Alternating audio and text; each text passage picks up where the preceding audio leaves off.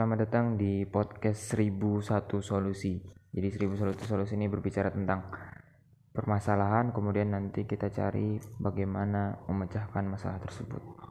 Dan topik kali ini kita akan membahas tentang apa yang membuat hidup kita ini rumit.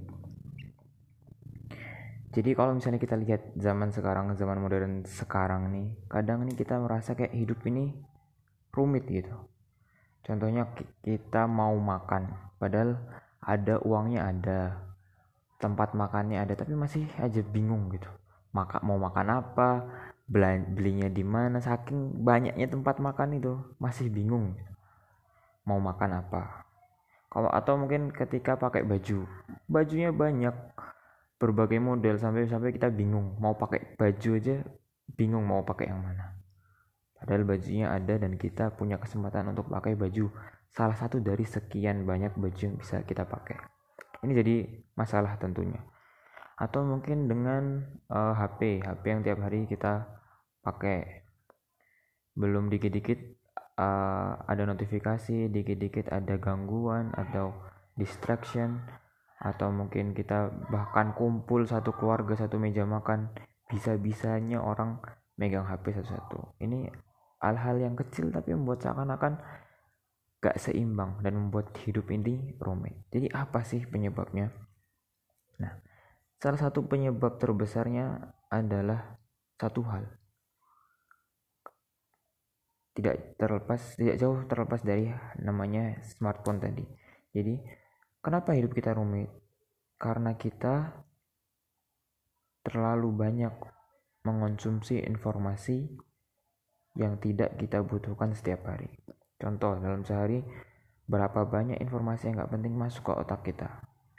Entah berita-berita negatif atau berita selebriti atau berita-berita yang gak penting masuk ke pikiran kita, masuk ke dalam otak kita dan kita pendam. Dan itu bukan sekali dua kali tapi tiap hari.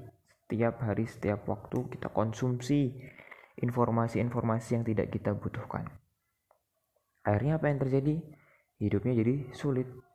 Nggak konsentrasi sulit konsentrasi sulit untuk berpikir sulit untuk menemukan ide. Bahkan dikit-dikit saking seringnya kita terkontaminasi atau terganggu dengan smartphone ini dengan HP pintar ini baru jalan atau apa kita pegang ambil HP-nya baru melangkah sedikit kita ambil HP-nya inilah hal-hal yang membuat kita rumit dari satu hal ini Padahal bisa jadi hidup kita itu nggak serumit yang kita bayangkan. Contohnya adalah kita itu diciptakan uh, mudah. Saya kira hidup ini tuh mudah. Memang ada beberapa hal yang sulit dan harus diselesaikan, tapi contohnya dalam hidup pondasi hidup kita itu cuma empat sebenarnya. Kita itu cuma butuh makan, minum, uh, tempat tinggal sama baju. Sisanya ya sudah mengikuti. Selama empat hal ini kita punya, kita harus bersyukur. Itulah dengan itu kita sudah bisa hidup gitu. Masalah yang lain problem yang lain mungkin nanti bisa diselesaikan nanti. Tapi dengan empat hal ini adalah pondasi hidup kita. Jadi kadang yang membuat contoh yang berbeda adalah ketika uh, orang-orang ada satu orang punya 10 rumah gitu itu pikirannya bakal pusing banyak ngurusin setiap hari 10 rumah. Tapi kalau misalnya satu orang cuma punya satu rumah ya dia lebih mudah lebih simpel hidupnya. Dan lebih banyak waktu luang yang bisa dia lakukan. Bisa mungkin dia bisa menggunakan waktu tersebut untuk hal-hal yang lainnya.